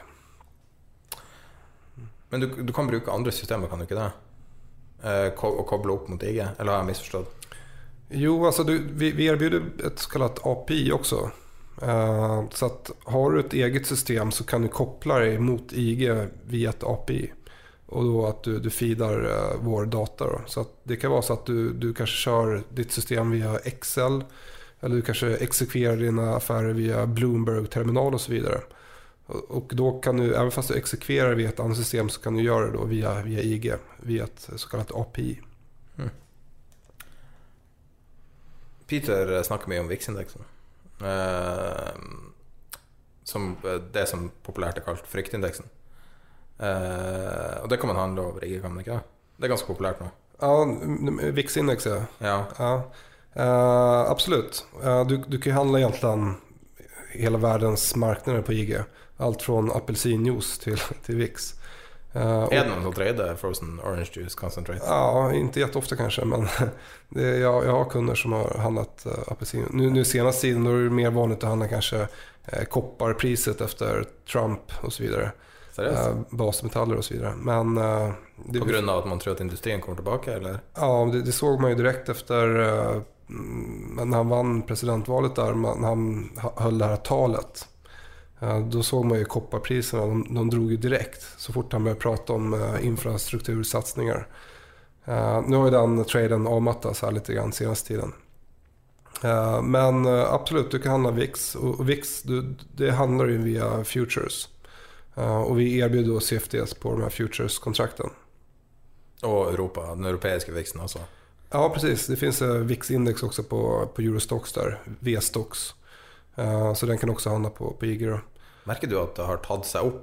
Nå har jo VIX-en vært veldig lavt prisa veldig lenge. Ja. Veldig un unormalt lav. Altså, opsjoner har jo vært Ja. utrolig billig. Folk har ikke villet kjøpe forsikringer. Har du merka forskjellen på kunder Om folk har villet tatt bets på VIX? Nej, egentligen inte. Alltså VIX har ju varit eh, konstlat eh, låg här senaste tiden. Om, om man kollat på, på SKEW-index däremot, den har ju varit väldigt hög. Eh, visar den här tail-risken. Eh, Medan En... Kan du forklare hva vad du mener? Det er ikke sikkert alle som skjønner hva du mener med SKEW-index. VIX-index viser den implicita volatiliteten kommende 30 dagar. Eh, Det vill säga den förväntade volatiliteten. Eh, Sk- SKEW-index visar ju hur aktörer, eller hur stor del av dem som, som verkligen skyddar sig mot eh, ett Black Swan-event kan man säga. sig. Så den är ju, den är ju jättehög. Det var ju på rekordnivåer ganska nyligen. Som en liten digresjon, så jeg har lyst til å fortelle en historie. Uh, I forsikringsbransjen Jeg møtte en kar som jobber med reassurance her en dag. Uh, og han fortalte meg at hele forsikringsbransjen han, eh, ko, Jeg skal koke det ned til et halvt minutt her. Uh, hele forsikringsbransjen er prisa i praksis på at eh, hvis det er lenge siden det er krise, så faller prisene på premiumer. Og så når det kommer ei krise, så taper alle penger der og da, men så stiger premiumene over lang tid, og så tjener du masse penger på det. Så er krise positivt nytt. Og det, um, det de sier i forsikringsbransjen, er at det alle håper på, er jordskjelv i California. Helt seriøst. Okay. Det er det de sitter i bransjen. Så jeg lurer på er eh, hva du hører fra kunder. Eh, hva, hva er det folk tror, altså hvis du trader f.eks. VIX, eller eh, du kjøper mye forsikringer, da. Hva er det folk forventer skal skje? Ja, just nu så, så ser vi en ökad eh, politisk eh, i, i världen. Uh, vi ser ju Trump som vann presidentvalet. Vi hade Trump-trade, uh, stärkt dollar, stärka, stärkta råvarupriser, eh, koppar, basmetaller vidare. Vi har även sett börserna stigit uh, väldigt kraftigt senaste tiden. Kolla på USA-börsen så är den värderingen extremt mycket högre än i Europa till exempel.